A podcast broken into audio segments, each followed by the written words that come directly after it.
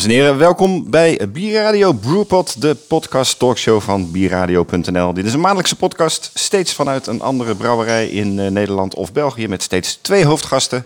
Een brouwer, de brouwmeester van de betreffende brouwerij en een uh, zogenaamde influencer, zoals we dat altijd zo mooi noemen. Vaak een vlogger of een blogger. Maar vandaag is dat uh, Roel Mulder, die we straks nog uitgebreid aan het woord gaan laten. Roel Mulder, auteur, bierhistoricus en ja, ook nog allerlei andere gebieden historicus. En we zijn vandaag te gast bij uh, Fort Everdingen. Marco Loret zit in de uitzending als brouwer van de brouwer van Duits en Loret. Komen we ook straks uh, uitgebreid uh, op terug. Mijn naam is Feder Vogel, uitgever, hoofdredacteur van Biermagazine, Brouwmagazine en Bierradio.nl. En mijn collega zit naast me, mijn sidekick, mijn partner in crime, mijn technicus, dat mag ik nooit van hem zeggen. Ilko Weininga van Q Creative. En uh, we gaan uh, vandaag weer een uh, uurtje Brewpot opnemen. Het duurt een uurtje. We beginnen met het laatste biernieuws dat we gaan bespreken met onze hoofdgasten. Daarna gaan we naar de hoofdgast Marco Loret, de brouwer van de brouwerij Duits en Loret. En vervolgens gaan we Roel Mulder eens interviewen over zijn historische kennis van bier. En dan eindigen we met een laatste rondje en ja, sowieso ook met een eerste rondje, want we gaan straks denk ik wel wat moois proeven, Marco. Uiteraard, je bent uh, op, de, op de plaats delict, dus uh, ja, dan moeten we wel wat uit de kelder uh, vissen zometeen. Ja. Heel goed. Bierradio.nl Biernieuws. Ja, wat vonden jullie het meest opmerkelijke biernieuws van de afgelopen weken? Nou ja, wat, wat mij opviel is de introductie van dat Amerikaanse bier, dat Bud. Bud. wat natuurlijk een vrij onbegrijpelijk en licht belachelijke move is eigenlijk van, van InBev... waarom slingen ze nog een, een bier onze, onze kant op... dat alleen maar hun eigen bier gaat cannibaliseren? Van, nou, het gaat alleen maar Jupiler en Hertog Jan weer van de markt douwen. Onbegrijpelijk. Ja. Nou ja, Rip Kemp had daar wel een aardige theorie over. Van, uh, uh, nou ja, dat is eigenlijk om de merkwaarde van Bud wereldwijd weer te verhogen. Omdat het in feite hun merkwaarde op instorten staat. Ja. Interessant, ik kan niet beoordelen of dat zo is. Maar uh, dat is de enige reden die ik, die ik zelf ook zou kunnen verzinnen van, nou, wie weet daarom dan. Het is een redelijke kromme gedachte inderdaad, uh, om met al die mooie pilsmerken die ze in feite al hebben, om dan ja. inderdaad ja, dat, uh, nog even een pilsmerk toe te voegen. En ja. ook nog een zoetig pilsmerk, terwijl de markt toch wat meer hoppige bieren wil. Ja. Ik ben ook heel benieuwd of dat, uh, dat gaat beklijven. Of dat, uh, ja, en natuurlijk, ze, ze paaien heel veel festivals en grote uh, organisaties. Ja. Dan krijg je het een beetje door je strot misschien. Maar ja, als je in een bepaald café altijd komt, dan denk ik niet dat de gemiddelde bezoeker erop zit te wachten dat daar dan permanent but erop staat. Nee, en misschien nee. bij een muziekfestival of zo, dat mensen denken, nou ja, het zij zo. En ja, nog meer bier, biernieuws waarvan jullie zeggen van hé, hey, dat was opvallend? Nou, wat mij wel opviel uh, en uh, ja, toch wel verbaasd over was, is dat uh, Jeroen Baks van de Baksbrouwerij in Groningen zich teruggetrokken heeft ja. uit de brouwerij. Naamgever van de brouwerij heeft het opgezet. Ja. Hele mooie bieren. Um, ja, ik ken hem als een hele sympathieke collega. Absoluut. Met, ja. we denken op biergebied ja, toch een, over veel dingen hetzelfde. Uh, geen geknutsel, uh, al wel met die pruim is natuurlijk altijd wel een dingetje. Maar ja, ja, ja, goede, goede, sta ja, goede stabiele bieren. Maar ja, het blijkt toch dat um, een brouwerij opzetten wat anders is dan een, een bedrijf aan de gang houden. Ja, en, ja. ja, heeft toch na een periode besloten dat hij die in andere dingen beter is. En, Ja, maar ja. het was toch wel voor mij opvallend nieuws. Absoluut, ja. Ja. vond ik ook. En, eh, ja, ik begreep ook dat hij een tijdje geleden een burn-out heeft Burn-out gehad. heeft en, gehad, eh, ja. ja. daardoor gekozen heeft eh, voor, deze, voor deze move. Ja, ja, toch wel erg jammer. Ook, uh, ook bij Stibon altijd betrokken, ook als docent, ook als leslocatie. En, Ja, ik ben ook benieuwd hoe dat zal gaan. Nederlandse biersommeliers in de top 50 van het wereldkampioenschap. Vinden we daarvan? Ik was me er niet bewust van. Nee. Oeh, schande. Ja, ik wel. We waren in, uh, Ja, ja, ja. in Rimini uh, Ja, jij was erbij, hè? Natuurlijk. Ja, we waren erbij. Ja. Dus uh, stiekem zijn we ze aan gaan moedigen, de, de drie Nederlandse kampioenen. Dennis is 18e geworden als Dennis beste 18e, Nederlander. Ja, ja, ja. Pepijn heeft uh, bij de bierstijlen heel erg goed gescoord. Ja. Uh, maar ja, goed, je ziet toch dat het Duitsstalig uh, gebied het uh, heel goed doet. De Ja. zes finalisten kwamen allemaal uit het uh, Duitsstalige gebied. Vier Ja. Duitsers, een Zwitser en een uh, Oostenrijker. Ja. En ja, waarschijnlijk zit dat ook wel bijvoorbeeld in de vragen. Die, um, ze moesten ook 50, een theoretisch deel, 50 vragen. En die worden dan soms wel wat kreupel uh, uit het Duits naar het Engels uh, vertaald. Ja, en de ja, Duitsstaligen krijgen hem gewoon in het Duits. Dus Ja. ja, Ja, ja. ja, daar zit misschien wat in. Maar aan de andere kant ook gewoon goed aan de bak. Uh, brouwfouten kan je gewoon op trainen. Bierstijlen kan je op trainen. Ja, en, ja, uh, ja. ja. Ja, tip voor alle sommeliers, leer Duits. En Ja. we gaan gewoon in het Duits beantwoorden. Wat zijn die opleidingen hetzelfde van de sommeliers of verschillen ze onderling per land. nee zelfde, eh, al- althans dezelfde eh, einddoelen eh, ja, hè, om eh, dat diploma internationaal gediplomeerd biersommelier eh, te krijgen. Dus, Ja. eh, dus dat maakt niet uit. Maar ja, je ziet dat het wel eh, van oorsprong echt uit het Duitsstalige gebied komt. Maar ook mensen uit Zuid-Korea, Puerto Rico, Brazilië. Het was echt een mooi internationaal gezelschap wat zich daar eh, Ja. in Rimini eh, verzameld had. Dus, Leuk. En een, echt een ervaring waar ze ook mee verder gaan. Dus ik denk dat het ook weer voor de kwaliteit van de Nederlandse biersommeliers weer een boost is. Van hé jongens, eh, hier staan we nu. En, We moeten een keer bij de top 3 nou, komen. absoluut. Ja, dat denk ik zeker. Ja, en wel heel mooi, en dat we los van het Nederlands verhaal, een dame die voor het eerst het heeft gewonnen. Dus het is nu voor de zesde keer dat het georganiseerd is. Een Duitse dame. Duitse dame, ja. En eh, ja, dus dat laat in elk geval ook wel zien waar de, de, de bierwereld in het algemeen zich eh, nou, eh, naartoe beweegt. En in die zin is het wel heel goed, denk ik, dat het een dame is geworden die dat eh Er gewonnen is, eh, heeft. werd bekend dat Grols met een 0.0 herfstbok komt. Vinden we dat nieuws? Even langs me heen gegaan. het, dat wel heel bevindt veel zich een beetje, nou ja, het bevindt zich een beetje aan de rand van mijn belangstelling. Ja, ja, ja, ja, ja, ja, ja. Nou ja, het, laat ik zo zeggen, dan weet ik dus dat ik goed moet opletten wat ik koop. Want Ja. het kan zomaar 0.0 zijn als ik een bokbier aanschaf. Ja. Dat is wel, eh, Pas op, pas op. Ik ben heel benieuwd. Ja. Maar goed, het, speelt wel in op de trend en de ontwikkeling eh, die met name de grote brouwers natuurlijk eh, voorzien. Dat we over 10 jaar, 15 jaar, misschien wel 15% van de markt op de 0.0 markt eh, bieren zitten. Ja, Ja. ik ben benieuwd. Eh, lastig sowieso om 0.0 te brouwen, maar een, een bierstijl als bok leent zich daar denk ik helemaal moeilijk voor. Je Ja. kan natuurlijk helemaal niks meer met hop verbloemen. Nee. En het gaat altijd in die weeën hoek al zitten. Dus eh, ik ben heel benieuwd eh, welke kant dat De voorbeelden die ik heb gedronken, die waren bijna cola. Dus Hm, eh, heel zoet. Zoet, ja. We gaan het, eh, we gaan het proeven. Ehm, tot slot misschien van het biernieuws wat mij ook opviel eh, bij de Stichting Erfgoed Nederlandse Biercultuur. Dat van de week officieel de grens is gepasseerd van 700 brouwerijen in Nederland. Terwijl we toch het idee hadden dat het ietsje terugliep, omdat we natuurlijk toch wel hier en daar wat brouwerijen eh, gaan sluiten. Ja. Maar blijkbaar komen er toch ook nog steeds wel bij. 700 brouwerijen hebben we nu in Nederland. Roel, jij als historicus? Nou ja, dat, we, we, zitten nu echt boven het niveau eh, waar we ooit geweest eh, zijn, eh, Ja. volgens mij. Ja. Ook eh, op de wat langere termijn waar je kan altijd lopen kijken. Eh, Ik denk dat eh 150 jaar geleden zaten we mooi op een top van eh, 500 of zo. Ja. En daar zijn we gewoon vrolijk overheen aan het gaan. Ja, Zo, ja, ja. eh, Maar, goed, zou het nog verder mooi. doorgroeien, denken jullie? Of, eh, we zitten hier overigens in het proeflokaal en daar staat ook een prachtige koffieautomaat, zoals je ongetwijfeld hoort. Gaan wij natuurlijk niet drinken, die koffie. Net een cappuccino besteld. Ja, oh. Ja, dat bier, dat, eh, dat komt maar niet. leuk. Nee, nee, nee, nee, dat klopt zo.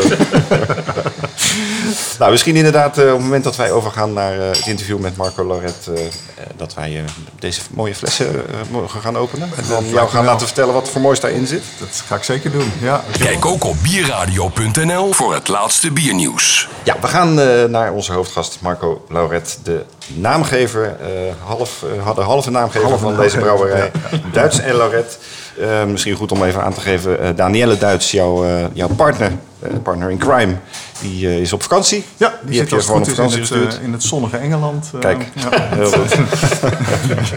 ja. Dus we doen het vandaag met jou alleen. Maar uiteraard hadden we ook graag Danielle aan tafel gehad. Maar dan komen we vanzelf gewoon nog eens een keertje terug. Eh, even- vertel eens, terwijl jij deze mooie flessen openmaakt. sinds 2016 zitten jullie hier in het fort.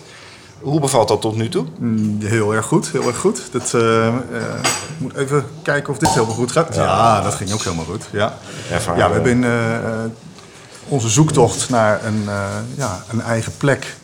eh waren we op zoek naar wat groter onroerend goed. Mhm. en eh, nou ja, we hebben natuurlijk mooie voorbeelden van collega's die dan een oude kerk kapen of eh, andere gebouwen. Dus dat soort dingen. Oude brandweerkazerne hebben we ook nog gekeken. Ja. Dat was logistiek ook wel heel handig. En eh, toen kwam Danielle opeens, die zei van... hey, kijk eens, wegens vrede te koop. Ja. En ehm, ja, een gave plek. Ehm, en we waren op zoek naar iets groter onroerend goed. Ehm, dit was opeens 12 hectare met 23 rijksmonumenten. En, dus het was wel even, even wat anders. Ja. Maar het paste wel heel goed met wat wij wilden. Heel veel omstandigheden op het fort die ja, pasten bij ons bedrijf.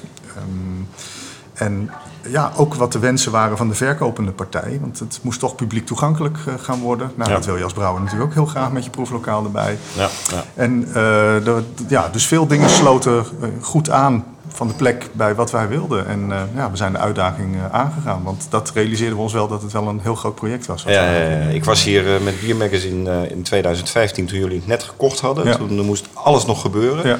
En nou, ik ben er nu weer. En als ik zie wat er allemaal is gebeurd in die tijd, dan hebben jullie denk ik weinig geslapen de afgelopen drie jaar. Nou, er is wel nodige tijd en energie in gaan Ja. zitten. Ja, dat klopt. Ja, ja.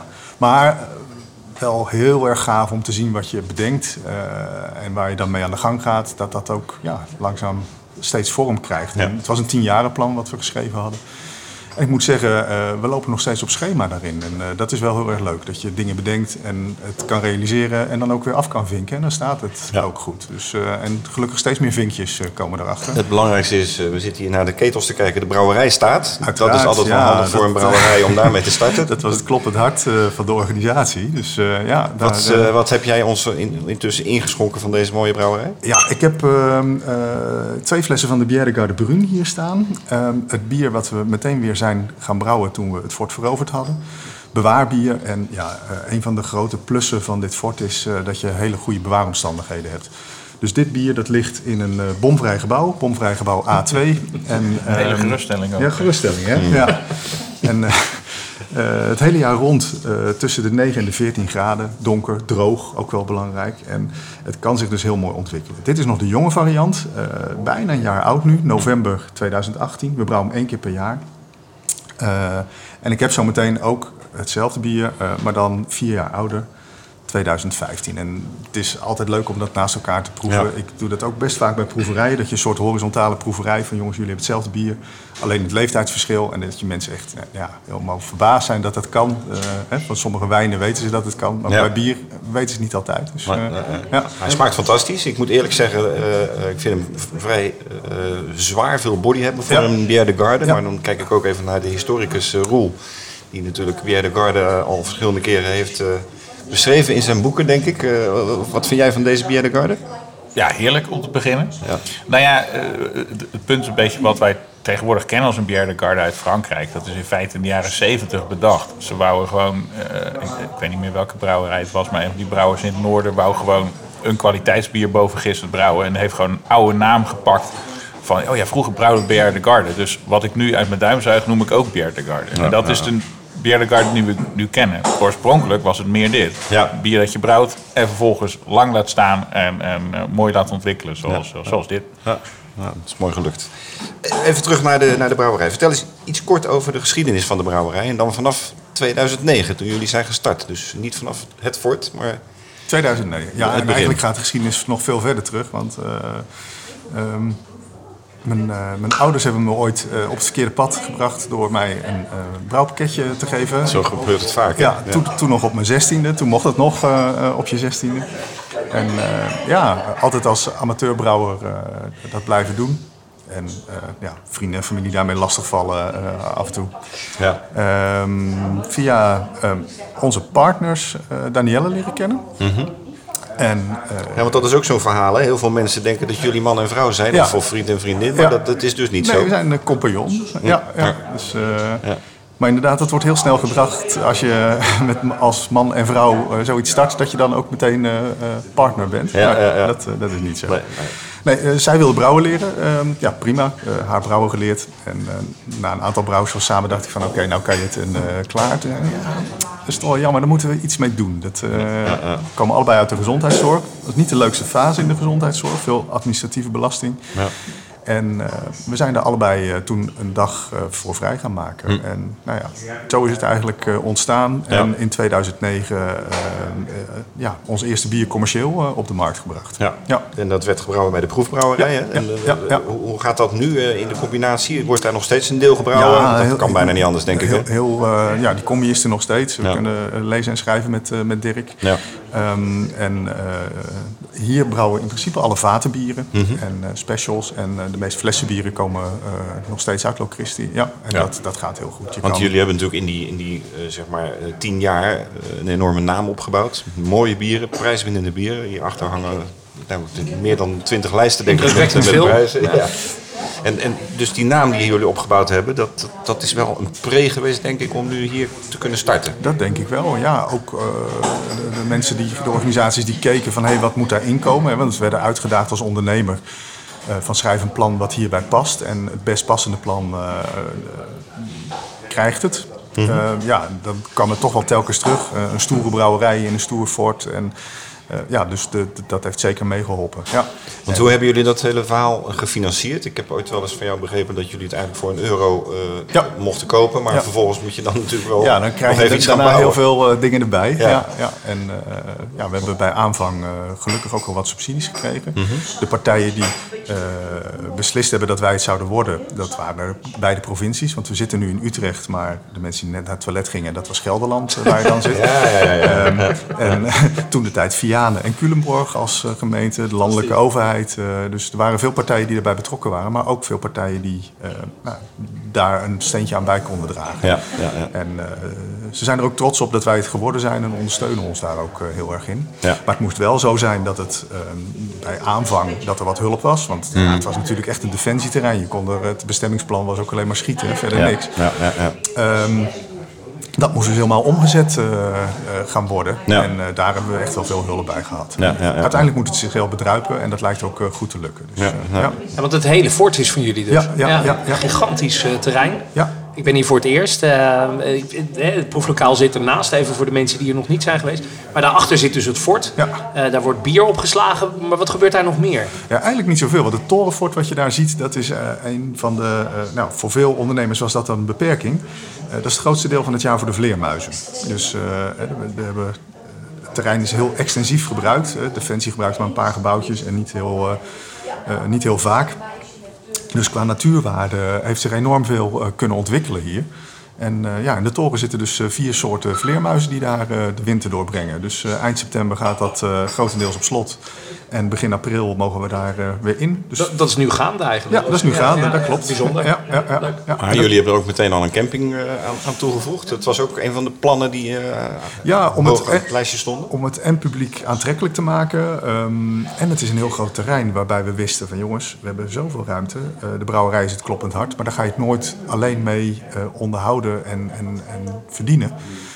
Eh, dus ja, de camping was een wezenlijk onderdeel van, eh, van onze plannen. Ja, ja, ja. En eh, nou, dat heeft ook heel goed uitgepakt. Daar waren ze qua omgeving ook heel erg blij mee. Ja. Eh, omdat ja, ja, ze willen toch in deze regio het toerisme wat meer eh, ontwikkelen. Dus dat paste helemaal goed, eh, goed erin. Omdat wandelregio volgens mij veel. Hè? veel wandelaars, Ja, veel fietsers, het, veel eh, vogelaars ook die in de uiterwaarden hier eh, komen kijken. En eh, het grappige is wel, en natuurlijk mensen die voor het fort komen, voor de, voor de historie, cultuurhistorie en voor het bier. En dat zijn allemaal groepen die, eh, die allemaal hun leuke dingen hier eh, Ja, vinden. Hè. Dat, eh, En je noemt inderdaad de, de, de historie van het fort.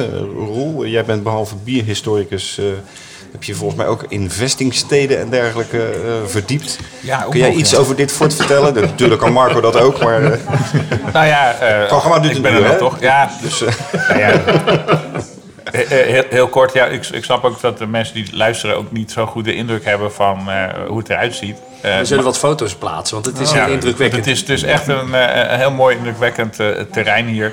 Eh, het is de Hollandse waterlinie in de 19e eeuw eh, een hele fortengordel van wel- meer dan 50 forten gebouwd om Nederland eh, te beschermen. Simpelweg, eh, je zet een stuk land onder water, zodat de vijand in de 19e eeuw, Duitsland, eh, er niet overheen kan. Omdat het water staat, maar niet zoveel water dat je er met een boot overheen kunt. En alle zwakke plekken die niet onder water komen te staan, daar zet je een fort neer. Eh, en zo, dat hebben ze hier dus ook gedaan. En eh, dus het is ook een onderdeel van die, die hele Hollandse waterlinie. Het zijn allemaal forten. Eh, en dit is er eentje van. ja, nou, en eh, ik begreep dat ze eigenlijk allemaal niet echt gebruikt zijn. Nee, dat, het was natuurlijk zodanig afschrikwekkend dat we nooit zijn aangevallen. Nee. De Duitsers durfden het pas toen ze vliegtuigen hadden om er Ja. dwars overheen te vliegen. Ja. Eh, Krijg jij veel vragen, Marco, van, van mensen over het fort? En, eh, Zeker, ja. Het is natuurlijk toch de blikvanger hier eh, Ja, ja, als je ja. binnenkomt. En ook heel veel mensen die ervoor komen. We hebben op, op zondag ook altijd gegidste rondleidingen. Ehm, dus één vanuit de stichting Hondswijk Everdingen... die echt heel veel nadruk op de cultuurhistorie legt. Mhm. En op zondagochtend de fortwachterswandeling. Dat doet Carla, de fortwachter die hier woont. En dat is wat informeler, wat meer over het terrein. En dan ga je ook op zoek naar de sporen van de bever en, en andere dingen erbij. dus eh, ja, dan pak je de natuurwaarde ook. eh, En ze eindigen allemaal altijd met een biertje. en ze eindigen altijd met bier. Ja, nee, dat is het leuke ervan. is natuurlijk wel eh, heel mooi. Ja, ja, ja, ja, ja. Dat gezegd hebbende, camping, rondleidingen, het fort, de historie. Hebben jullie nog wel tijd om dat te combineren met, met wat jullie eigenlijk doen, namelijk bierbrouwen? Ja, steeds meer weer gelukkig. Ja. Eh, in het begin eh, was je meer eh, bouwmeester dan brouwmeester. Ja. En ehm, ja, was je heel erg druk met van alles organiseren. En nu steeds meer dingen staan en goed staan. En daar ook ja, mensen hebt die dat goed kunnen bemensen. Kan je weer de dingen doen waarvoor je het gedaan hebt. En dat is voor mij toch wel, wel het brouwen. Dus Ja. ik ben weer heel veel in de brouwzaal te vinden. Ja. Maar goed, daarnaast heb je ook nog tijd om allerlei nevenfuncties uit te voeren. Je bent voorzitter van, eh van Stiebon. Eh, hoe, combineer je dat allemaal? vooral het heel erg leuk vinden Ja. eh, wat je doet. Het zijn allemaal eh, ook weer dingen. Natuurlijk, je steekt energie in, maar je krijgt ook heel veel energie voor terug. Ja. En, eh, ja, zolang het op die manier te combineren is, eh, blijf ik dat graag doen. Want Stiebon heeft inmiddels eh, 200 biersommeliers opgeleid. Hè? Ruim, Die, eh, ja, ruim, ruim, ruim we zitten 200. rond 250 nu. En zijn eh, jullie weer volop cursussen gestart de Ja, afgelopen ja, ja, weken. Ja, het gaat gewoon door. We gaan nog steeds eh, heel hard. En eh, ja, wij dachten op een gegeven moment van wanneer is die vijver eh, leeg. Mhm. Maar die vijver wordt alleen maar aangevuld. Die wordt steeds voller. Steeds meer bedrijven die ook zien dat ze daar iets mee moeten. eh, hè, omdat aan de andere kant de bierkennis toeneemt en bij het personeel soms achterblijft. Dus ja, nee, dat gaat nog steeds heel erg goed. En ik denk dat het, ja, daar hebben we het voor gedaan natuurlijk, dat ook daarmee het kennisniveau over bier en bierbehandeling in Nederland eh, nog steeds eh, ja. enorm omhoog gaat. Ja, dat, eh, daar ben ik heel erg Goede blij mee. ontwikkeling, Ja, ja. zeker. Even terug naar jouw bieren. We zitten hier een prachtige Bière de Garde te proeven. Mhm. Kun jij eens uitleggen voor de mensen die jou niet kennen? Nou, Dat zijn er natuurlijk maar heel weinig, want jullie bieren zijn natuurlijk alom gekend. Maar stel dat mensen jou niet kennen, eh, geef eens aan wat jullie handtekening is. Wat voor type bieren maken jullie? Wat, is, wat zou jij zelf omschrijven als de, de stijl van jullie bieren? Ja. Eh, bieren die in balans zijn, eh, smaakvol, ehm, niet over de top. Dat zijn denk ik een beetje de, de steekwoorden. Maar balans is eh, voor ons altijd heel belangrijk. Het moet een bier zijn wat klopt. Ehm, wat we ook weer kunnen reproduceren, dat is natuurlijk ook wel belangrijk. Dus we hebben geen, geen mega-assortiment. Het is niet dat er iedere maand een nieuw bier uitkomt. Maar de bieren die we hebben, die, ja, die, die moeten goed staan. En, Noem eh, ze eens even kort achter elkaar. Wat jullie, eh, jullie een stuk of zes, zeven volgens mij Ja, vast in de zijn, range. eh, ik zal een beetje proberen in de volgorde. We zijn begonnen met onze stout. Het was ons eerste commercieel, eh, commerciële bier eh, op de markt. Eh, Ja. Mhm. Onze blond, eh, ook als vast bier eh, verkrijgbaar. Drie seizoensbieren. Mhm. Eh, onze houtgerijpte rookdubbelbok was de eerste eh, daarvan. Heerlijk bier. Ja. Dank je. Ja. eh, de winterstout hebben we een sterkere versie eigenlijk van onze stout. En de kiem, dat is ons lente-zomerbier. Ja. Ook heerlijk gehopt. Dat, ja, mooi hop, een beetje hout. eh, is ook wel heel gelaagd en leent zich dus ook weer heel mooi voor alle, allerlei gerechten die in het voorjaar ook erg lekker zijn. Ja. Lekker met asperges en zo. Dus, Ja. Ehm, de Bière die we nu aan het drinken zijn. Ja. Eh, ieder jaar één keer, maar wel eh, vaste volgorde. Ehm, we zijn, zeker toen we hier een terrasfunctie kregen, zijn we ook eh, wat lager alcoholische bier gaan brouwen. Die hadden we wel ontwikkeld, maar waren nog niet commercieel te krijgen.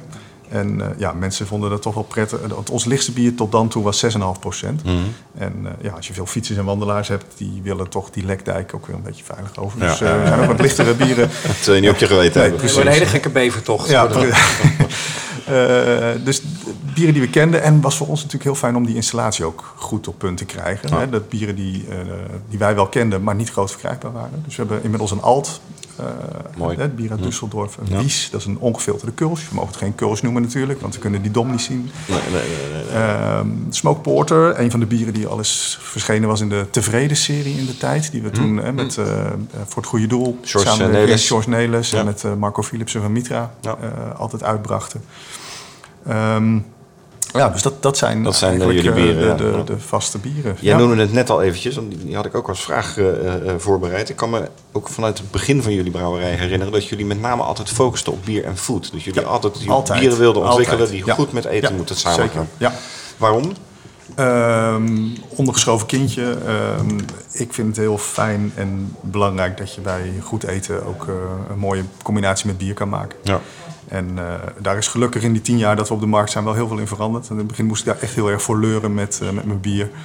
Eh, werd het niet sexy gevonden of geen marge of nou ja, allemaal dat soort verhalen. Ja. En ja, nu zie je de omgekeerde wereld. Nu komen ze naar je toe omdat ze denken, oh ja, Duitse Red, die doen wel wat met bier en eten. Ja. En Ja, dus dat, daar ben ik wel heel blij mee. Dat, dat Maar, maar hoe doen jullie dat dan naar jullie horecaklanten toe bijvoorbeeld? Geven jullie dan advies van dit bier smaakt heel fijn bij dit soort gerechten? Ja, Of- bijvoorbeeld. En, en wat we altijd al vanaf het begin gedaan hebben... is bijvoorbeeld eh, Han Hidalgo van eh, Biercuisine. Eh, altijd bij onze bieren en zeker ook bij de seizoenen... eh, ontwikkelt hij een recept, dus daar kan je naar verwijzen. Inmiddels is dat een behoorlijke database Ja, ja, ja, ja. geworden. En ja, mensen kijken daar ook heel veel naar. Dat, ja. Mooi. Inmiddels ben je de tweede fles... Kijk, Oeps, net zeggen, de ja. tweede fles aan het openmaken... maar dat had ik niet eens hoeven vertellen. Wij nemen dit programma om half negen 's ochtends op. Ja. Dus eh, dat is altijd wel, ja. Lekker op beetje zo. De- deze is niet voor tandenpoetsen hoor, Ja. dat, eh, dat is zonde. Eh, hij plopte iets minder hard in vergelijking met de vorige. Ja. Ehm, Omdat hij iets komt door zijn leeftijd. Ja, dus, Is dat eh, een waarneming die je steeds... Want dat is leuk, dan kan je zien wat er gebeurt. Ja, hè? ja. Hoe is je ervaring erin, in dat verouderingsproces? ja, ehm, CO2 gaat wat terug. Eh, Vindt twee- iedereen beter tegenwoordig? Ja. En, en zo levert Duitsland Laret ook zijn bijdrage aan het klimaat. Eh, en Fedor zei net al, het, eh, het jonge bier wat we net hadden, dat het best nog heel vol is. Eh, een bier wat je gaat bewaren, verliest op een gegeven moment wat, wat van zijn body. Dus je moet het in het begin best veel meegeven, wil die goed gaan overleven. Ja. Dus vaak ook dat de, de gerstewijnen, de quadruppels, eh, dat zijn bierstijlen die zich daar goed voor lenen. Die moet je in het begin behoorlijk wat meegeven. Dus deze zal waarschijnlijk ook ietsjes dunner zijn, Ja. voor je gevoel. Ja. Hij gaat in zijn eiwitten wat verliezen. En, maar goed, daar, hij wint aan complex, complexiteit, We als het benieuwd. goed is. We Dus, zijn heel benieuwd.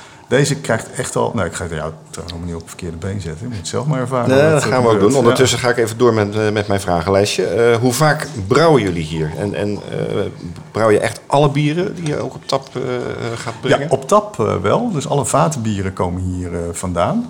Ehm, ja, we lopen wel tegen de grens aan van, eh, van onze capaciteit. We hebben een, een eh, brouwinstallatie van 20 hectoliter. Als we goed ons best doen, dan kunnen we twee brouwsels op een dag doen. Dus dan zouden we 40 hectoliter eh, kunnen brouwen. Ja. Maar je ziet aan de andere kant, eh, de, de niet warme kant, de gist- en lage capaciteit, daar zit hem eh, de bottleneck in. En we hebben wel veel bieren die, die toch een tijdje Moeten mo- rijpen. moeten rijpen. Ja. Ja. Hm. ik wil ze zeker niet te vroeg eh, uitleveren. Dus eh, daar, daar zit hem in. Dus we nu gemiddeld één keer in de week, één keer in de anderhalve week eh, Ja. dat we eh, brouwen. Ja. En eh, ik weet niet of je volumes wil noemen, maar eh, als je een verhouding moet aangeven van wat nog bij de proef zit en wat je hier brouwt, Ja, in liters of, of Half, half procenten, ongeveer. half tot toch wel. Ja, ja, ja, ja, ja. En hoe, hoe eh, kan je als brouwer ehm, datgene wat bij de proefbrouwerij Locristi wordt gebrouwen en wat je zelf brouwt, naar elkaar toe trekken? Je werkt toch op twee installaties. Dat lijkt me altijd een hoofdpijndossier eigenlijk. Ja, nou, valt mee, want dat zijn we natuurlijk vanaf het begin af aan gewend. Dus het was eigenlijk andersom, hoe onze kleine installatie vertaald moest worden naar, eh naar Locristi.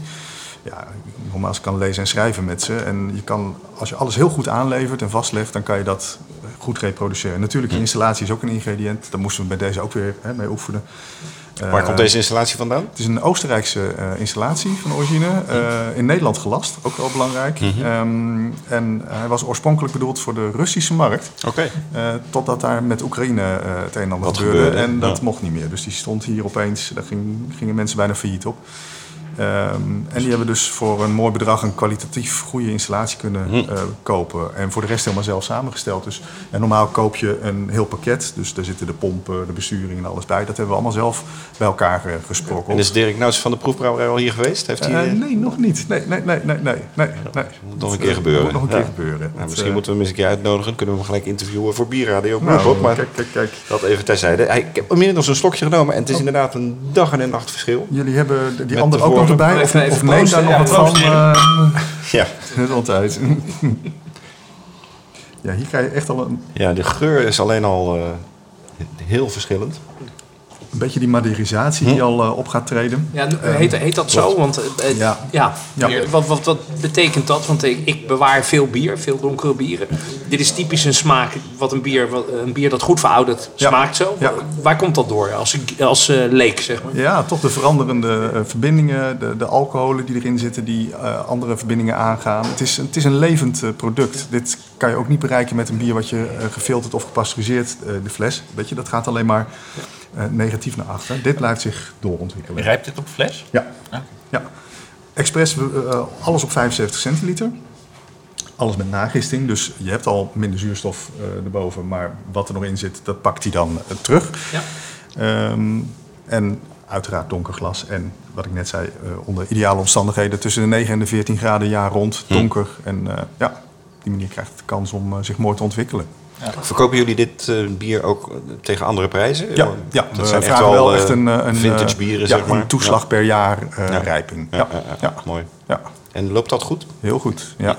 Eh, vooral hier, moet ik zeggen. Eh, veel slijterijen vinden dat toch wat ingewikkelder. Sowieso grote flessen, want ons eerste bier hebben we ook eh, eerst alleen op 75 centiliter uitgebracht. Ja. Vinden mensen toch lastiger dan eh, kleine flesjes. Nee, Dat, eh, ja, dan wordt het ja. meer als een soort cadeauverpakking gezien. Maar hier, en zeker omdat je, ja, mensen dan ervaren wat het doet, eh, Ja, hier ja, ja. verkoopt het heel erg goed. Eh, ja. Ja, het moeilijke bij de slijter is ook dat eh, de bieren vaak daar niet in de ideale omstandigheden in de winkel staan. Is ook zo. Ja. en ja. dan toch weer heel anders, als ze daar een half jaar of een jaar staan, weer heel anders smaken. Daar is er niet klopt. beter van. Nee, nee, Nee, nee, nee. dat vol in het licht. En, Ja. ja. ja, en zeker zo'n bier, dat wordt wel kwetsbaarder hoor. Dit, zo'n bier is eerder stuk als dat. Ja. Als je dat nu twee weken in de vensterbank zet, dan Is het afgelopen. is het klaar. Ja. Ja. Ja. Op welke bieren zijn jullie nou het meest trots van jezelf? Nou, sowieso allemaal bieren natuurlijk. Dat Ja, anders, ja, ja. Nee, anders waren ze niet op de markt eh, gekomen. Dus het zijn altijd wel, wel doorontwikkelde bieren. Ehm, ja, ik vind het nog steeds leuk dat eh, een bier wat veel moeite heeft gekost, ehm, eh, is onze bok. Eh, de houtgerijpte rookdubbelbok. Ehm, dat was negen jaar geleden. eh, was dat nog wel een dingetje om zoiets eh, op de markt eh, te brengen in Nederland. Toen waren we, zaten we toch nog midden in die hele zoete, eh, grote commerciële bokken vooral. En eh, ja, dat was wel eh, een smaak waar Nederland aan moest wennen. Eh, en inmiddels is dat gelukkig wel eh, gelukt. Eh, Ja. Dat is zo, als de Engelsen dat noemen, ook een acquired taste. Dat rook en zo, dan moet je toch leren waarderen. Ja. En eh, gelukkig doen steeds meer mensen dat. Maar ik kan me nog goed herinneren, de, het eerste Bokbierfestival waar het stond in de beurs van Berlage. Eh, Is dit wel goed? Kijken, ja. En mensen die dat dan roken en Ja. één slok en naar de spoelbak liepen. Nee. zo, zo hoort hij, zo is hij bedoeld. Ja. Ja. En inmiddels is het eh, wel van een seizoensbier eh, geworden tot een bier wat we jaar rond eh, hebben. Ook zeker vanwege het culinaire aspect. Het doet het heel goed bij allerlei gerechten waarbij ook iets rokerigs, hout, dat soort elementen ja, in terugkomen. Dus het wordt ook in de zomer bij de barbecue eh, bijvoorbeeld eh, gebruikt. Ja. Het, eh, En die houtrijping, doen jullie dat ook hier op het fort? ja, doen we ook op het fort. In wat voor vaten? Ja, niet meer in niet vaten. Nee, nee, nee, ja, in die grote uh, roestvrij schalen vaten. Ja, nee, en we dan doe werken je met weer snippers, snippers. oké, ja, ja. ja, ja. En wat voor snippers zijn dat? Eh, Medium toast Frans eiken. Oké. Ja, en dat was ook een beetje het idee we, de, toen we dat ontwikkelden. Toen we het wel op een vat ontwikkeld trouwens. Eh, eentje clean en eentje dan op hout. En omdat dat hout getoost is, dachten we dat geeft nog een keer een knal eh, aan, dat, aan dat rokerige aspect. Ja. Ja, tot onze grote verrassing was het precies andersom. Mhm, Eh, want dat vanille-achtige uit het hout, dat maakt hem juist veel zachter en ronder. Dus het is een heel veel complexer, rustiger, eh, gelaagder eh, bier daardoor geworden. Ja, en, en hoe werkt dat met die snippers? Ja, die, die bestel je, die koop je ergens. Maar zit daar ook een seizoensaspect aan, zeg maar, dat je hè, met grondstoffen wel eens kunt hebben? Nou, dat, is een, dat is een lastig iets. want- Blijft, blijft die smaak altijd hetzelfde? Ja, hout, hout is wel een gek ding. Ook waar het vandaan komt. dat, ook, ook hoe vaten gemaakt zijn, het kernhout. Of het, dus er zit in, in, hout is echt nog wel een, eh, wel een issue. Ja. Eh, en dat kan je ook behoorlijk verrassen. Dus als dat erin zit, hè, ik weet, dat is het voordeel van snippers, wel gemiddeld van zoveel gram per liter, zoveel tijd. Dan heeft hij normaal gesproken eh, dat afgegeven. Ja. Maar je moet echt iedere dag proeven om die ontwikkeling. En twee dagen te laat en het kan om zijn. Ja, en dan ja, kan het ja. heel erg dat, dat tannine-achtige, hè, alsof je van die hele sterke thee eh, alles samentrekt. En daar krijg je er nooit meer uit. Want in welke eh, fase voeg je dat hout toe? Op, In de lagering, In de lagering. Ja, in de En- lagering. En, en dan direct of aan het einde? Of hoe? Nee, ik laat hem al wel een tijdje in zijn gisting eh, staan. Dus eh, hij pakt nog een deeltje mee, maar eh, vooral echt in zijn lagering. Dan kan ik met de temperatuur ook wat meer spelen. Want daar kan je natuurlijk ook nog invloed mee uitoefenen. Hè, bij 20 graden gaat die uitwisseling wat sneller eh, dan bij 2 graden. Dus, eh, Maar het kan dus zijn dat zeg maar, de ene batch van de houtgerijpte rook dub- dubbelbok anders is dan de andere. Omdat Zo- er toch wat Ja, verschillen in zitten. sowieso. eh, hè, we zijn in die zin, we proberen wel ons bier heel goed te reproduceren. Ik heb Mhm. er een hekel aan als hetzelfde brouwsel eh, niet lukt en met een ander etiket of zo. eh, Ja. Dat gebeurt. Hè. Ja, ja, ja. Ja, dat is bekend. Ja. En eh, kijk, ik ben niet zo'n grote partij dat ik alles op laboratoriumniveau. Dus de brouwgerst is natuurlijk ieder jaar anders. Eh, de hopbitterheid is ieder jaar anders. Ja. Het, eh, bij wijn accepteert iedereen dat. Dat die druif uit 14 natuurproduct, ja. hè, en 16. Ja. Dus daar kunnen kleine verschillen in zitten. En dat is met het hout hetzelfde verhaal. Maar gewoon heel goed blijven proeven, blijven volgen. Maar ja, zeker, er zullen gewoon gezien het seizoen altijd wat verschillen eh, in zitten. Ja, Ja, ja, ja. het, eh, maar dat maakt het ook wel weer leuk, denk ik. Het- Jij noemt het net al eh, met, die, met die etiketten. Hoe kijk je aan tegen de craft beer scene in Nederland? Je bent natuurlijk bij Stiebel ook nauw betrokken. Jij doet heel veel dingen, je spreekt heel veel mensen. Wat, wat, hoe goed of slecht gaat het nu eigenlijk met, met de bierwereld in Nederland? Ik denk nog steeds wel goed. Ja, ja. Eh, Nou, en nu de kritische noot. Nou ja, kijk, het, is een, het heeft een fantastische ontwikkeling ondergaan. We hadden net al even een beetje de geschiedenis van onze brouwerij. Tien jaar geleden nu, toen zaten we rond de 100 brouwerijen. Nou, je noemde het net al even, nu eh, rond de 700 brouwerijen. Dus dat is wel heel veel in, in tien jaar. Een goede sfeer altijd geweest onderling. eh, ook in het begin. Je was toch echt samen iets aan het, eh, aan het opbouwen. Ja. Eh, en, en ja, dat, dat zie ik nog steeds gelukkig terug. Hm. Wel zijn er denk ik eh, ja, op een gegeven moment wat, wat opportunisten bijgekomen die dachten van hé, hey, daar gebeurt wel wat waar wij ook iets eh, mee kunnen. Ja. Ja, dat is denk ik een beetje inherent aan, aan groeien. En eh, ja, als mensen zien dat, dat daar steeds meer belangstelling voor komt. Ik denk dat dat zich ook wel weer uit zal selecteren. Dus in die zin toch echt positief over hoe het zich dat is- ontwikkelt. Dat, is ja. mooi. Dat, dat zijn wij ook uiteraard. Maar ehm, eh, als je kijkt naar de, de huidige 700 brouwerijen, dan zijn er bijna 350 zijn Ja, huurbrouwer. huur. Mhm. Nou, jullie zijn natuurlijk zelf eh, Ja. begonnen als huurbrouwer. Mhm. Ehm, doen dat nu deels nog. Er zijn natuurlijk heel veel mensen die zeggen van ja, huurbrouwer, dat is eigenlijk oneerlijke concurrentie, want die hebben veel minder grote investeringen en die kunnen ja, vervolgens de markt eh, behoorlijk kapot maken. Ik hoor steeds meer brouwers daarover rappen nu dat dat steeds meer gebeurt. Mhm. Vijf- zes vaten voor de prijs van vijf en dat soort eh, deals die met horeca worden gemaakt. Merk jij dat als Duits en Lorette dat dat voorkomt? Dat, dat, er komt gewoon heel veel bier op de markt op dit moment. Ja, ik, ik kan me wel voorstellen als je nu, eh, nu op de markt komt, dat je wel meer moeite moet doen om eh, je te onderscheiden, Ja. om, eh, om op te vallen. Ja. Het is meer marketing geworden. ja, dat is het. Ja, Ja, ja. ja, ja. Maar ik heb ook het idee dat jullie als brouwerij nooit het door hebben gehad om overal in Nederland op de tap te zijn. Maar echt wel op bepaalde plekken te- te vinden. En passend bij het seizoen of de zaak. Of... A- absoluut, ja. Ja. Wel, eh, wel altijd de ambitie gehad om meteen ook wel landelijk verkrijgbaar te zijn. Dat was ook gelukkig wel heel snel. Maar ja, dat mag best, mag best wat selectiever. En eh, ja, kwaliteit van ons product altijd heel belangrijk gevonden. En dan is het wel iets langere adem. Maar daar komen mensen wel voor terug. En eh, je hebt natuurlijk een tijd gezien dat mensen alleen maar... eh, ja, zo'n beetje oneerbiedig postzegels verzamelen. Hè? Zoveel Ja. mogelijk verschillende en dan een vinkje erachter en, en die hebben we. Maar op een gegeven moment raken mensen daar toch moe van. En denken ze wel van, oh, dat vind ik toch wel fijn bier waar ik voor terugkom. En dat zie je gelukkig, eh, gelukkig gebeuren. Ja. Wat, wat is een fijn bier waar jij, behalve je eigen bieren, een fijn bier waar jij voor terugkomt? Eh, oh, heel veel bieren eh, waar ik voor terugkom van eh, eh, Nederlandse en buitenlandse collega's. Ehm, ja, seizoensafhankelijk denk ik. Hè. Ik ben nu alweer echt in de eh, fase dat eh, de, de wat donkere, zwaardere bieren weer wat vaker eh, op mijn lijstje staan. Ja. Bijvoorbeeld eh, laatst weer de, de, een van de nieuwe trappisten, de Taint Meadow eh, Ja. uit eh, Engeland. Fantastisch mooi bier met een Ja. eigen karakter. Dus Ja, nee, dat, veel, veel leuke bieren die ook nog steeds nieuw komen, maar Ja. ook, ook de klassiekers eh, die ik nog steeds kan waarderen. Ja. Mooi. Hoe ziet de toekomst van eh Fort Brouwerij Duits en Lorette eruit? Nog eh, nieuws te melden? Je zegt van we zitten in ons tienjarenplan eh eigenlijk heel erg op schema. Ja, Wat nou, kunnen dat, we allemaal nog verwachten? eh, dat moet zich dus nog eh, wel wat doorontwikkelen. Ehm, ja, iets verder op het terrein zijn nog twee van dit soort eh, loodsen, eh, genie- en artillerie-loodsen. Die zijn ook opgeknapt. Eentje daarvan die wordt nu verhuurd voor feesten en partijen, bedrijfsverenigingen, dat soort dingen. Maar de andere is de uitbreiding van de brouwerij. En daar komt dus eh, extra gisting, gist- en lage capaciteit. De helder biertanks eh, komen daar. Ga je dat met, met slangen doen, pompen of Nee, eh, nee, we, pijpleidingen? we hebben of? we 20 hecto. Dus als hij hier zijn gisting heeft gehad, eh, wil ik hem in twee tanks van eh, 10 hecto. Ja. Die kan ik nog net op mijn heftruckje hebben. En dan rij je hem naartoe. eh, ja, ja, en dan plug je hem daar ja, in. En, nee, nee, niet met leidingen en zo. Als je eh, met bier gaat slepen, zeker als het al een product in ontwikkeling is, dan wordt het meestal niet leuker van. Dus, eh, nee. Nou, in Brugge hebben ze een 3,2 lange, kilometer lange pijplijn van de, van de brouwerij naar buiten de stad. ja. Het kan allemaal. ja. Ehm, nou, we zijn aan het eind gekomen van dit interview met, eh, met Marco Loret. Dank eh, dat jij eh, wat meer wilde vertellen over deze prachtige locatie, over jullie schitterende brouwerij en vooral over jullie prachtige bieren. En we gaan door naar onze influencer. Blijft leuk hè, dat woord influencer. Iedereen vindt dat we dat niet moeten gebruiken en juist daarom blijven we het gebruiken. Elke uitzending komen jullie er weer op terug. Ja, ja, ja, ja. ja. En, eh, het, ja. en toch, jij bent eigenlijk ook een, een enorme beïnvloeder. Want je bent eh, een gerenommeerd auteur in de bierwereld. Je bent eh, bierhistoricus.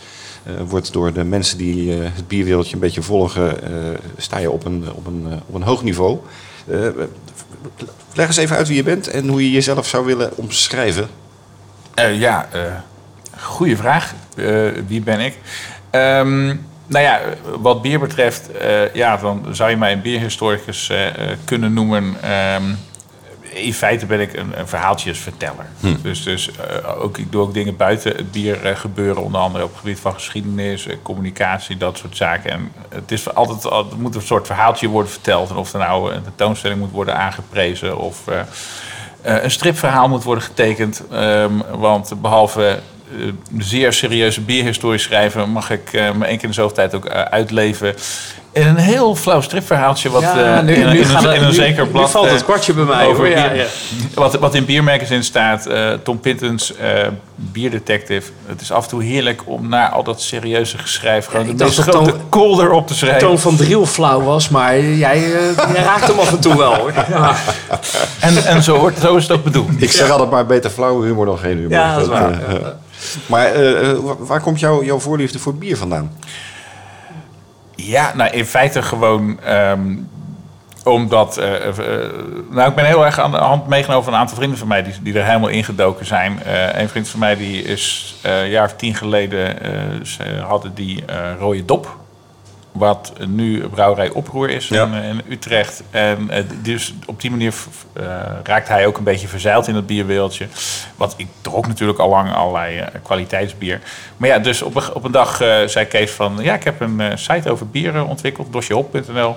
Ondertussen bestaat dat niet meer. Dat is gehackt door Turken, geloof ik. Of- Serieus? Ja, ja, het stond al stil, die website, dus dat maakt het niet uit. Maar ik zei, oh leuk, dan maak ik ook wel wat. En toen ben ik voor Dossier Hop in eerste instantie die gekke strip gaan maken. Die daarna een succesvolle transfer heeft gemaakt naar Biermaker. Ja, ja, ja. Dat, dat, dat stond nog in de kranten. Dat was wel een... eh, Ja, nee, waren- ja, nee, de bierwereld stond op zijn achterste benen. Ja, ja, ja, ja. En, eh, maar, eh, nou ja, en daarna ben ik die verhaaltjes over biergeschiedenis gaan schrijven. In eerste instantie voor het dossier Hop. Toen een eigen site. Nou, dat is een boek geworden. eh, zo- nou, artikelen hier en daar. Eh, ik schrijf nu ook al verhaaltjes voor buitenlandse bladen. Ik heb maar aan de bel getrokken bij Zimmergy in, in Amerika. Van, hoi, willen jullie een verhaaltje over het Belgisch bier? Ehm, dus ja, zo is het, eh, zo is het gekomen. Ja, ja, maar ja, in feite gewoon een beetje erin gerold door dat ik oude informatie... Ja, en dat ik vervolgens oude informatie vond over Nederlandse bierstijlen van vroeger tijden. Dat ik alleen maar dacht van, wat is dat? Waarom kan ik hier niks over vinden als ik op Google? Dus nou, dan ga ik het zelf maar schrijven. Maar wat jij nog niet verteld hebt, eh, je achtergrond. eh, je hebt wel geschiedenis gestudeerd of wat heb je gedaan?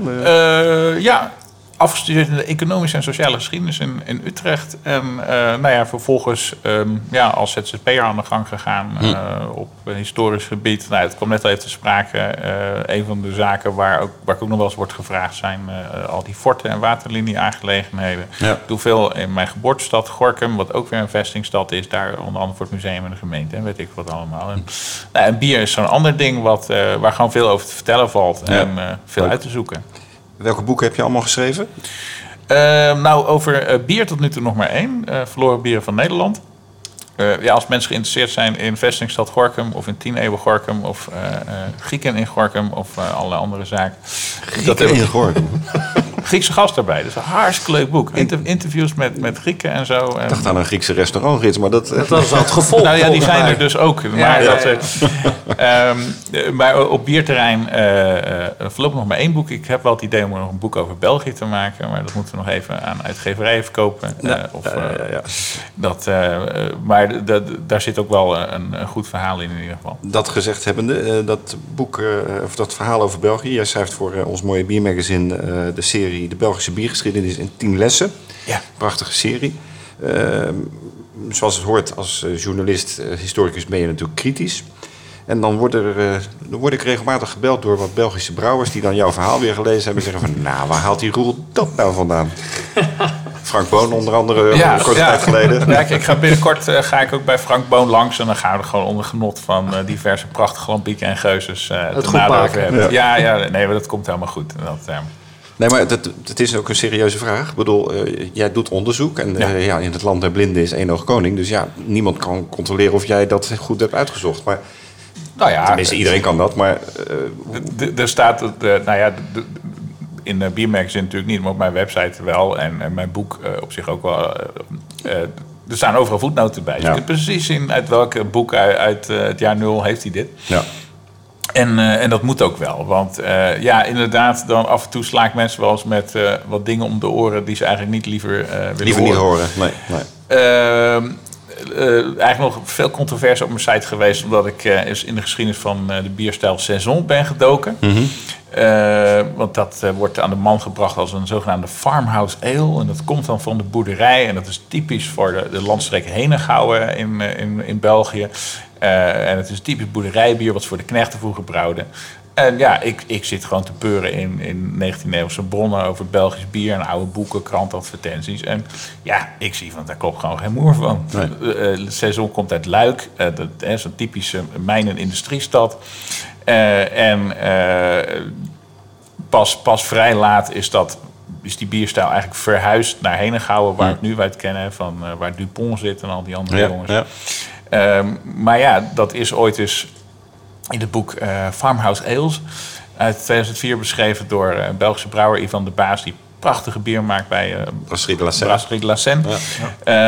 Maar eh, die in feite een eh, heel verhaal heeft geschreven over de geschiedenis van Saison. Wat ja, volstaat met, met de grootst mogelijke eh, fantasieverhaaltjes. Dat hij allerlei bronnen verkeerd citeert. Ik, ben, ik heb gewoon al die boeken opgezocht die, die, die hij citeert. En dat blijkt van er staat helemaal niet in waarvan hij beweert dat erin staat. Nee, En nee. Ja, dat vinden sommige mensen niet leuk om te horen. Nee, nee. Maar vind vind je de charme die er dan soms wel om de verhalen heen hangt dan niet belangrijker? Want dat is waar het voor veel mensen dan toch ook in de beleving om draait. Of zeg je, het gaat puur om de feiten? Nou, de grap is natuurlijk dat het echte verhaal vaak ook net zo interessant of soms nog wel leuker is. En een ander verhaal is bijvoorbeeld eh, eh, kwak. Hè, dat Belgische bier met dat Ja. prachtige koetsiersglas. Met die, met die schoen Ja, bedoel je? ja, ja. Met die schoen of niet? Eh, ja, er is een kroeg in België, eh, eh, misschien wel meerdere, maar in Gent is er eentje. Dan moet je je schoen inleveren, dan krijg je je glas. de schoen is dan het onderpand. Eh, want het is dan een koetsiersglas, want vroeger dan, eh, mo- moesten de koetsiers mochten niet uitstappen. Dus die moesten hun bier op de bok van de koets drinken. En eh, dat was dan, dat, dat bier en dat glas waren bedacht door meneer Kwak in, in, de, in een herberg in de buurt van Dendermonde. Pauwel.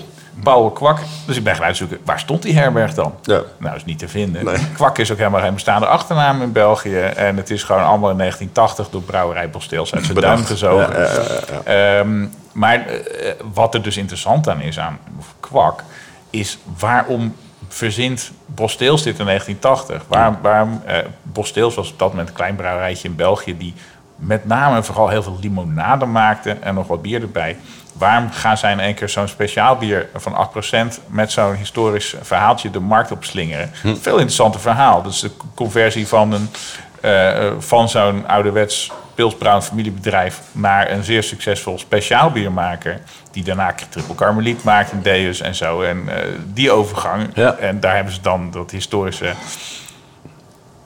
onzinverhaaltje bij nodig gehad. Maar dat is juist ook wel weer interessant. Ja, dat geldt eigenlijk ook voor hun triple karmeliet, hè, waar natuurlijk ook in twijfel wordt getrokken of dat nou echt een origineel recept is van de karmelieten. Nou, ja, ik, heb het uitgezocht. eh, Ja, dat weet ik. Ja, ja dat, want het is precies de, de vraag die zelf stelt: van hoe zit dat? Ehm, nee, het, het, het, het bestaat echt. Het was echt van de Karmelieten in Dendermonde. Ik heb ook uitgezocht waar dat klooster stond Ja. en zo. En waar dat recept ligt. En het originele recept lijkt heel redelijk op wat ze nu maken. Toch wel. Ja, dat, dat, ja hoor.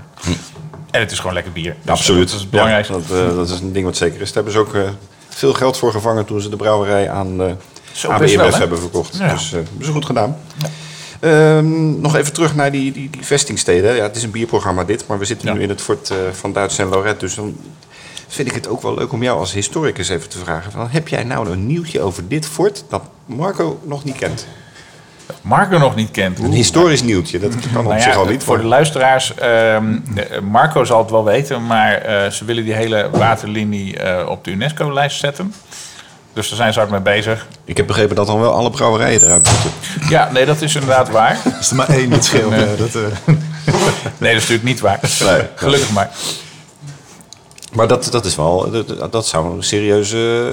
eh, ja, dat, eh, we wisten dat al bij aanvang dat ze daar eh, mee bezig waren. De nominatie is dit jaar goedgekeurd. Ja. En als het goed is, komt volgend jaar de beslissing daarover. En wat betekent dat voor jullie in, in de vorm van subsidies? Gaat dat dan ook verder Nee, toenemen? of, of nee, dat- wat, dat- wat ja. voor voordeel heeft het voor jullie? Ik denk meer internationale aandacht. Ja. Eh, we merken nu al uh, het UNESCO Werelderfgoed. In Nederland leeft het niet heel erg, maar bij heel veel uh, buitenlandse bezoekers merk je dat dat echt wel een ding is. Ja, Ook als we dat vertellen in Zwitserland of zo, dat je dan brouwt in een, ja, iets wat op de nominatie staat voor UNESCO Werelderfgoed. Dat is echt wel, wel een ding. Dus ik verwacht in elk geval wat meer internationale aandacht. En wat erg prettig is, nou, we zijn de enige brouwerij in een fort op de Nieuw-Hollandse waterlinie. Dus Mm. Alle provincies en rijksoverheid die uh, iets doet met marketing, komt al heel gauw uh, bij ons Die terecht. Ja, en dat is natuurlijk wel heel fijn. Dus het Ja, wordt telkens in. ja, veel mensen zien het. het wordt steeds zichtbaarder. En andersom vinden zij het ook heel erg leuk dat, dat dit gebeurt. Want het is wel een voorbeeld van hoe uh, ja, forten die weg stonden te kwijnen weer een, een functie krijgen en uh, door gebruik in stand worden gehouden. Ja, dus ja, ja. ja, het snijdt aan twee kanten. Jullie rijden, jullie transportbusje is ook een Ford waarschijnlijk. Uh, ik Wat, wat beter flauwe humor dan geen humor. hey, en het, het, het onderhoud, hoe, hoe doe je dat eigenlijk? Het toch even eh, afwijken, want dat, Ja. dat is een imme- een immens karwei, denk een, ik. dat is een heel groot project. Ja, eh, deels professioneel, dus dat er eh, aannemers zijn die eh, dingen opknappen. Eh, we hebben een grote club vrijwilligers die eh, actief is vanuit hun Oké. interesse. eh, dingen die kunnen, hè, want er zijn natuurlijk dingen heel specialistisch, maar ja, er moet ook gewoon geschilderd worden of eh, de, de luiken vervangen. Eh, Ja, dus- luisteraars kunnen zich aanmelden. ja, ja. Nou, nou goed, nee, vrijwilligers zijn, eh, zijn echt een, eh, een heel belangrijke factor eh, hier. Eh, Cliënten, we zijn ook nog steeds een zorgbrouwerij. Oké. We hebben in de, de opstartfase ook hulp gehad van, eh, van Fer en Arno van de Praal, die natuurlijk eh, in Nederland eh, het bekende voorbeeld zijn van de zorgbrouwerij. Met welke organisaties werken jullie mee samen? Eh, vooral met, eh, vanuit gemeentes, beschermd wonen. En vooral mensen die eh, nou, wel echt een eh, afstand tot de arbeidsmarkt hebben. En, eh, maar ook heel veel eh, reïntegratie. Dus die om wat voor reden dan ook uitgevallen zijn, weer ritme op moeten doen. Of Ja. kijken van, hey, wat vinden we leuk, wat kunnen we. En eh, bij welk proces werken ze dan mee? Met afvullen of met... met nou, eh, dat kan, ja. Mm. Eh, ook eh, in het proeflokaal, maar ook heel veel, ja, ik zeg wel zorgbrouwerij, maar ook heel veel in het groenonderhoud eh, eh, eromheen. Eh, we hebben natuurlijk een enorm terrein met heel veel gras en bomen Mm. en dat soort dingen. En eh, groene gebouwen, dus ook heel veel eh, schilderwerk of eh, dingen opknappen Ja, ja, ja, of aan de bestrating herstellen. Dus Hm. dat is ook wel het voordeel. Ehm, ja, de een die wil heel graag in een groepje iets doen. De ander die pakt zijn bosmaaier en die, die rent weg en die zie je aan het eind van de dag weer terug. En die, Zo'n terrein leent zich ook wel voor heel veel verschillende werkzaamheden. werkzaamheden, Ja, mooi. Nog even terug naar Roel. Je gaf het zelf al aan, naast historicus ben je ook communicatief en creatief eh, bezig. Eh, onder andere met het maken van strips. Eh, voorafgaand aan deze uitzending heb ik in jou een, een stemacteur herkend. Oh jee. Ja, nee, we zeiden al, we moeten van die Tom Pintons Beer Detective eh, gewoon maar een hoorspel maken. Ja. ik denk dat er een nieuwe podcast eh is Instagram, ontstaan. ja, Instagram strip. Dat is wel een idee trouwens. Nee, maar jij, jij deed net eh, eh, eh, onze wetenschapper, hoe heet hij ook alweer? eh, na, eh, Giet Giet Titulaar, ja, hij, eh, hij is niet meer onder ons. eh, en, eh, Paul Jambers deed je net na, eh, eh, onze Belgische vriend. Ondertussen gaat Frank Boon zijn bierkelder in en Kijk Frank zichzelf Boon, een geuze in. Die afspraak moet nog komen, toch? Ja. Ja. Nou, ik stel voor dat wij hier een keer eh, verder over praten. Dat we toch een soort van hoorspel op de podcast gaan zetten. En, Ja, eh, ik zeg gewoon dat op Instagram en stories doen we gewoon een hoorspel met audio. Eh, je hebt ook al een wijncabaret in Nederland eh, tegenwoordig. Moeten we gewoon een biercabaret eh, Ja, opzetten. goed We plan. zijn in, aan het begin van de avond te verstaan dat wij een cabaret, maar aan het einde van de Ja, avond is het niet meer... eh, Ja, maar goed, omdat het publiek dan ook heeft Ja, ja, pimpelen, lacht iedereen toch mee. Ja, ja. Nog even over jouw rol als influencer, want dat ben je natuurlijk toch als, eh, als bierhistoricus. Eh, welke blogs en vlogs volg jij zelf eh, graag in, eh, in de bierwereld? Ja, nou er zijn natuurlijk sowieso gigantisch veel. Ehm, in, wat ik in Nederland altijd wel leuk vind, is die- om die van Rick Kempen te lezen. Iemand die gewoon goed geïnformeerd is en een stevige mening heeft. Ehm, op biergeschiedenisgebied ben ik een groot fan van wat Martin Cornell doet. De, de zogenaamde Zito-file, Cyto-file, ik weet het echt niet. Als je, moet je maar even op googlen. Eh, je, typt het, je typt het waarschijnlijk fout, maar ho- hopelijk eh, zal je Google toch? je toch eh, Ja. erheen sturen. Ja. Heel eh, leuke, leuk spul over, over Engels bier. Ik kijk ook altijd even wat Ron Pattinson nou weer, weer doet. Maar dat zijn meestal hele lange tabellen. Ja. Of eh, dat hij ergens aan het zuipen is of zo. Dat vind ik wel leuke dingen. Ik vind het vooral leuk als iemand iets, iets toevoegt wat er nog niet is. Als iemand schrijft eh, wat er anders niet was geweest. Eh, heel veel mensen ja, die hebben toch de neiging om dezelfde kennis rond te pompen. Ja. Eh, dat is ook precies de enige reden waar, waarom ik over bier schrijf is omdat ik het idee heb dat ik iets meld wat er nog niet was. Wat vind jij bijvoorbeeld van, van Marco Dane, die bijvoorbeeld vorig jaar een, een toch wat andere kijk op de bokbierwereld heeft gegeven? Ik bedoel, er komen natuurlijk allerlei fabeltjes al jaren terug over waar bokbier dan wel of niet vandaan komt. Maar Ja. daar heeft hij toch een- op zijn manier wat onderzoek naar gedaan en wat, wat kanttekeningen erbij gezet. Nou ja, Marco is natuurlijk ook gewoon een hele goeie. Dat is ook iemand die zijn zijn zaakjes gewoon goed op orde heeft. En ik ben het bijna nooit met hem oneens. Nee, we zijn het eigenlijk altijd meestal roerend eens over van alles en nog wat. Ehm, ook, ik heb ook wel samen met dat, dat er eh, een of ander historisch bier was gebrouwen. En toevallig zaten we dat samen voor het eerst te denken dat we allemaal met elkaar aankeken van... Ja, ja, dit is echt zoals het in de 19e eeuw gesmaakt heeft. Ja. Dat weten jullie nog Dat weten wij, dat we waren erbij. nou ja, weet je, dat is natuurlijk wel de grap van met dat ontwikkelen van historisch bier. Daar ben ik natuurlijk mee bezig geweest van hoe smaakt het bier nou vroeger, oude recepten vinden. Eh, ik heb het ook wel zelf nagebrouwen met mijn eh, zeer beperkte brouwkennis eh, thuis in de keuken. Je hebt toch 40 recepten of zo in je boek eh, opgenomen? Ja, heb ik niet allemaal gebrouwen. Oh, oké. Met, met name de moeilijkere, eh, alles wat rijpen is en zo. Dat, ja, dat, eh, ik ben gewoon niet, niet zo'n goede brouwer als, eh, als de echte brouwers. Maar je gaat natuurlijk wel eh, een, een, beetje een idee vormen van hoe smaakte dat nou als je bier negen maanden op een of ander vat eh, bewaarde en dan dit en dat mee deed. En, ehm, want er was dus vorig jaar was, eh, had de Kromme Haring een recept nagebrouwen wat ik had gevonden eh, voor een, eh, een Oost-Indisch bier. Eh, wat negen maanden op vat moest rijpen eh, met allerlei andere bijkomstigheden. En eh, dat heeft Kromme Haring ge- ge- gebrouwen. Maar die, ja, die jongens die kunnen dat zo ontzettend goed bier Ja. rijpen. Die hebben ook heel erg mooie Engelse stijlen bieren. Ja, allemaal prachtig gerijpt. En ja, je moet jezelf toch al proevende een beeld vormen van... Hoe dat dan geweest moet zijn. Ja. Wat is het, eh, laatste vraag, het, volgende bierige dat je gaat onderzoeken? Heb je nog nieuwe, nieuwe plannen waar je mee bezig bent? Nou, wat ik heel graag zou willen onderzoeken, ehm, is eh, geschiedenis van zo'n bier als Rodenbach. Eh, dat Vlaams oud-bruin. Daar weten we zo weinig van eh, hoe dat nou ontstaan is. Ehm, Dan zou ik eerst maar eens met Rudy Gekieren afspreken. nou ja, eh, Die weet er ik heel daar- veel van. Precies, ik moet daar gewoon eens heen. En ik zou ook heel graag gewoon eens in die, in die archieven snuffelen. Van, nou, brouwden ze dit nou in de 19e eeuw ook al? Of, of andere bierstijlen of wat ook. En ehm, dat, dat, dat staat heel erg op de verlanglijst om eens in te duiken. Want er Ja. is nu eigenlijk niks over. Maar, maar, nou, die, eh, die zien we dan graag tegemoet. En dan eh, weet ik wel weer een uitgever die daar misschien een mooi boekje van wil Ja, maken. wie weet, wie weet. Dank voor jouw interview, Roel.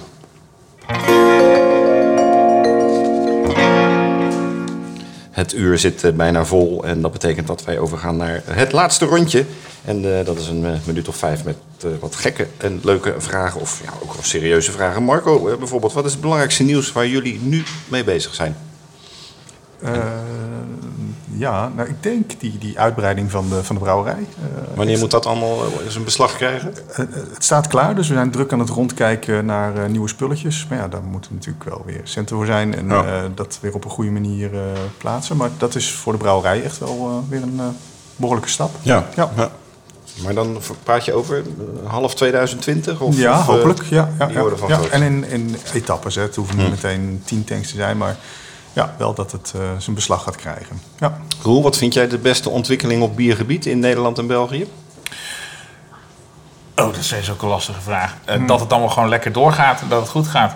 Ja. En, eh, Dat het gedronken wordt. En dat het gedronken wordt en eh, eh, dat we daar met z'n allen gewoon van eh, bezig zijn. Wat ik zelf wel de neiging heb, is om de laatste jaren gewoon minder inderdaad postzegels te verzamelen van oh, nieuw brouwerijtje, proeven, proeven, proeven. Maar meer gewoon klassiekers te gaan proeven. Sta ik in de slijter en dan denk ik van ja, ik kan wel een andere blond van een andere brouwer uit Lutjebroek kopen voor 3 euro. Maar voor een euro minder heb ik gewoon een heerlijke oorval. ja, ik denk dat heel veel eh, bierliefhebbers diezelfde keuze eh, maken. Eh, Marco, welke brouwer of brouwster verdient volgens jou meer aandacht of is onderbelicht in Nederland? Mm, Ik heb er wat weekend nog eentje gesproken. Eh, Steve Gammage van de Bronkhorst eh, Brouwerij. Eh, fantastisch. En ja, ik weet niet of hij te weinig aandacht krijgt hoor. Maar het is natuurlijk een, een, eh, relatief kleine brouwer, kwaliteitsbieren. Gepassioneerd. gepassioneerd. enorm. Ja. zo hoort het denk ik. Dat, En, eh, en ontzettend goed. Ja. ja, ja. En eh, ik hoop ook, eh, we zijn, eh, ik was uitgenodigd of ben uitgenodigd door Deumens, het instituut wat eh, de internationale biersommeliers eh, eh, eh, de diploma's zeg maar, Mhm. uitreikt. Die eh, gaan een soort masterclass eh, eh, geven in Oostenrijk en Duitsland eh, deze zomer. En eh, ik ben als Nederlandse brouwer uitgenodigd. Ze zochten topbrouwers, dus ik vond het al leuk dat ze bij... eh, logisch, dat je dan jezelf naar eh, voren schuift, dat en, snap ik. eh, nee, Bescheiden als je bent. werd nou, Nee, maar onder andere bijvoorbeeld Garrett Oliver komt ook. Weet je, dat zijn toch mensen die ik, die ik Ja. bewonder. En Ja. eh, zij vroegen van, weet je nog een andere Nederlandse brouwer die je er graag bij zou willen hebben eh, op grond van? Ik zei ja, Steve. Ja. Dus eh, we gaan eh, daar naartoe. Dus Leuk. dat zijn eh, leuke dingen. Heel mooi. Ja. Hij, hij spreekt goed Engels ook, dus dat is Ja, dat voordeel heeft hij dan. Dat, eh, ja. Roel, wat is jouw favoriete bier-spijscombinatie? Alles lijmen doen. Geen, geen bitterballen. ik, ik, nou, ik, ik eh, zit, zit morgen bij een of ander etentje was ik uitgenodigd. En dan gaan ze een of ander kalf roosteren of wat ook. En eh, toen vroegen ze van, ja, kan je komen vertellen over bier en spijs? Nee. maar ik zou er gewoon een heerlijke bokbier of, of, of, of dubbel of quadruppel bij nemen. En dan eh, heb ik denk ik morgen gewoon een heerlijke avond. Ja, klinkt goed. Neem met het rooster onze bok Ja, mee. ik neem even wat eh, Duitsland recht mee. Dan eh, zit je meteen goed morgen. Zeker, Ja. zeker. Ja. Marco, eh, we hadden het net al even kort gevraagd. Welke bieren drink je zelf het liefst, behalve je eigen bieren? Ja, dus seizoensafhankelijk. Dat, eh, niet één vast bier van ik drink altijd eh, dat. Nou, Roel noemde net al de Orval. Een van de bieren die eh, vaak terugkomt bij mij. Dat is al de tweede trappist die ik noem. eh, nu, hè. Dat, eh, ja. Het zijn ook allemaal wel hele mooie bieren. Ja. ja, ik Deze ben een, uitzending eh, wordt mede mogelijk gemaakt. En ik ben een groot fan nog steeds van eh, de stouts en de porters. Dat is ook eigenlijk de reden geweest eh, voor mij voor het brouwen. Eh, je, je kon natuurlijk ook in die pakketjes allerlei dubbels en trippels. Dat waren altijd dat soort bieren. Die kon je ook goed krijgen. En in die tijd eh, ja, was dat eh, met de stouts en porters in Nederland wat lastiger. En eh, ja, ik vind het een hele mooie bierstijl. Ik drink dat nog steeds heel erg graag. En als je dan eh, bijvoorbeeld de Guinness eh, drinkt, heb je hem dan liever zoals die in Engeland van het vat komt, die 4,5% zeg Ja, maar? Of ja. de, de export stout die dan die- rond de 8%? Die vind ik soms ook wel weer leuk Ja. bij andere dingen. Die gebruiken we bij Stibon ook heel veel. Omdat het een van de bieren is waar umami in waarneembaar is heel vaak. Dus eh, ook weer ieder zijn moment. Maar zo'n bier van 4, 4,5 procent vind ik sowieso knap. En eh, Engelsen zijn daar over het algemeen ook wat beter in. Ja. Om wat lager alcoholische bieren toch heel veel smaak mee te geven. En, eh, dat, eh, dat is altijd wel erg prettig. Ja. Roel, welke muziek beluister jij het liefst tijdens het schrijven eh, aan, aan, aan artikelen? Dan, wel, dan Ehm, wel tijdens het bier drinken? Ja, nou, wa- wat ik zelf, ik heb een, een paar ehm, genres eh, die ik graag beluister, die eh, een beetje afwijken van het normale. Maar wat heel goed schrijft is filmmuziek. Groot fan van. Want, eh, ben ooit eraan verslaafd geraakt eh, met de muziek van James Bond. En al die, eh, al die Ja, ja, ja. muziek die daarin voorkwam. John En Barry. John Barry, ja, de grote man. Maar je houdt van orkestmuziek. Dus. Nou ja, dat is wel heel. Dat, schrijft ook heel fijn. Weet je wel. Eh, en wat ik, wat ik ja, verder veel. ehm, eh, de, het, Neder- het Nederlandse lied. Veel, veel Franse muziek. Zeg maar. eh, Dan niet die oude zooi die wij kennen. Maar het- alles van de, van, juist van de laatste 30 jaar. Wat wij niet meer kennen in Nederland. Vind ik altijd ontzettend leuk. Dus dat. Leuk. En daar dan een biertje bij. En jij Marco? Welke Ehm, muziek eh, draai jij tijdens het brouwen Ja, bijvoorbeeld en tijdens het bier drinken? Niet, nee, nee. Nee. Ik, ik, eh, ik kan me heel slecht... Ik kan heel erg genieten van muziek, maar dan geniet ik ook van muziek. En dan ben ik erg afgeleid als ik andere dingen doe. Dus Mhm. eh, ja, dan, eh, Maar dan inderdaad bij een mooi glas bier en je geniet dat- van muziek. dat Wat, waar Ja, luister je dan naar? Ik zit wel veel meer in de rock eh, en, en metalhoek. eh, Oké. en, eh, en klassiek ook. Ik wilde net zeggen, we nemen de suggesties mee voor bierradio.nl. Maar rock en Ja. metal, dat wordt weer wat Wordt lastig. er wat lastiger. John Barry draaien we al trouwens. Ja, ja, klopt. Ja, ja. Midden in de nacht. Of, eh. Ja, misschien voor de nachtprogrammering. Ja. Dat moeten we toch maar eens doen, hè? Dat wordt Ja. wel Ja, ja, ja, ja. Gaat komen, gaat komen. Plannen genoeg. Allen, op wie moeten we proosten met ons laatste glas bier?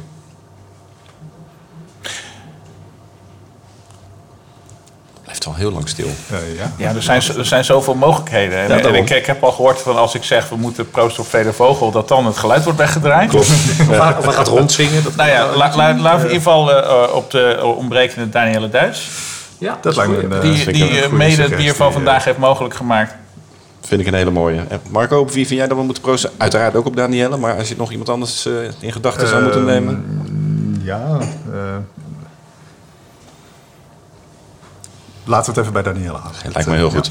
Proost. Dank jullie wel voor deze deelname aan deze, eh, volgens mij de zevende Bierradio Brewpot bij een brouwerij. Eh, elke maand komen we terug, dus de volgende maand gaan wij zeker weer eh, een leuke brouwerij bezoeken. Dank voor de ontvangst, dank voor de mooie bieren. En eh, ik zou zeggen tegen onze luisteraars graag tot de volgende keer. vul ik jou nog even aan. Wil je ons volgen? Volg dan op Spotify, TuneIn We zijn overal te vinden, ook op iTunes of op bierradio.nl.